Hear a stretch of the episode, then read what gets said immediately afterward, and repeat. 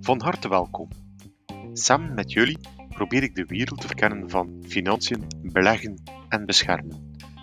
Ikzelf hanteer altijd 10 vuistregels om het vermogen van mijn klanten te beheren. In mijn allereerste podcast had ik het over mijn eerste 5 principes.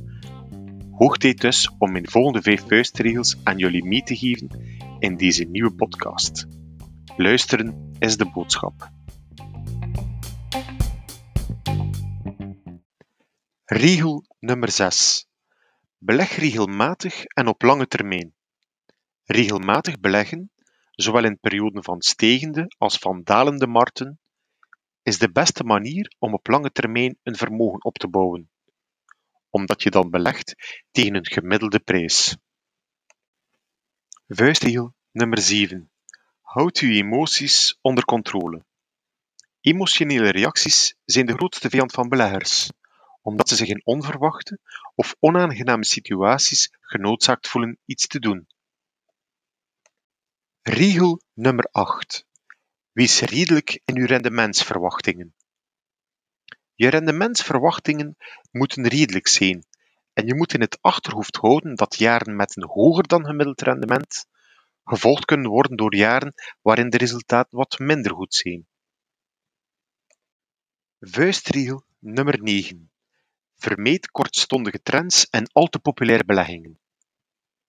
Zich laten verleiden door kortstondige trends en populaire beleggingen biedt het grootste risico op een definitief kapitaalsverlies. Vuistregel nummer 10. Zorg ervoor dat je begrijpt waarin je belegt. Het is van groot belang om te beleggen in producten die je begrijpt en al te complexe producten gaat vermijden. Beleg in kwaliteitsvolle activa die het op lange termijn goed zullen doen, ook al kunnen ze tijdelijk onder druk komen. Betaal ook niet te veel voor je beleggingen, want de betaalde prijs bepaalt altijd het toekomstig rendement.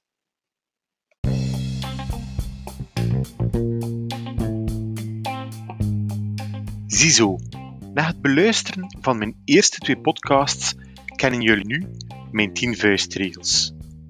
Hopelijk hebben jullie er iets van opgestoken. Deze vuistregels zou je ook moeten terugvinden bij je eigen financiële partner. Is dit niet het geval? Dan mag je altijd met mij contact opnemen. Je vindt mijn contactgegevens eenvoudig terug op LinkedIn.